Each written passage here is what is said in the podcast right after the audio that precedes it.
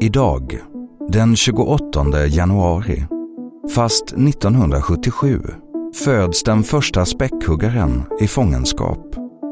Han lever inte tillräckligt länge för att hinna få ett namn och hittas ett par veckor efter sin födsel död på botten av sin bassäng.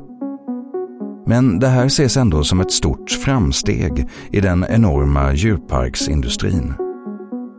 Du lyssnar på Idag för ett tag sedan, en produktion av Novel Studios.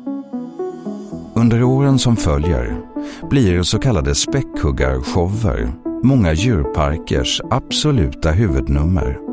Men frågor börjar lyftas hur djurens liv i fångenskap påverkar deras mående och livslängd. En späckhuggare kan leva i upp till 90 år i det fria, men få har levt över 30 i fångenskap. Man börjar också notera aggressivt beteende, sjukdomar och de böjda ryggfenorna som uteslutande återfinns hos de djur som lever i bassänger. Det är känt att späckhuggare lever i stora familjer att de i sin naturliga miljö dagligen kan tillryggalägga flera kilometer och dyka hundratals meter ner i djupen. Man vet också att de är sociala och intelligenta och av alla levande varelser har den den näst största hjärnan på jorden.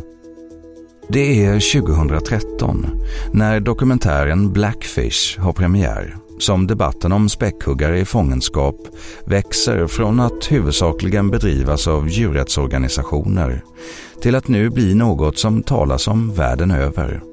Frågan rör inte längre bara späckhuggare utan vilda djur i stort. Och till följd av de avslöjanden kring parkers djurhållning som uppdagas verkar plötsligt inte de där showerna lika beundransvärda längre.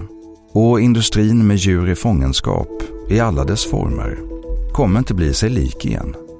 Och frågor väcks kring vilken rätt vi tar oss i vad vi tar i besittning.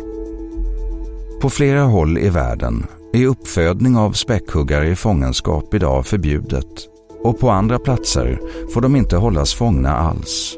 Men det förekommer fortfarande.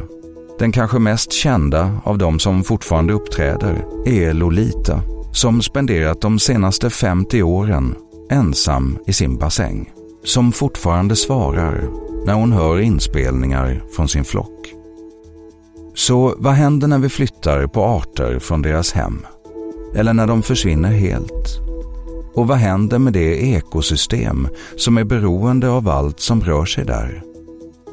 Det, menar forskare, kommer vara en av de största frågorna när det kommer till vårt klimat och fortsatta tid på jorden.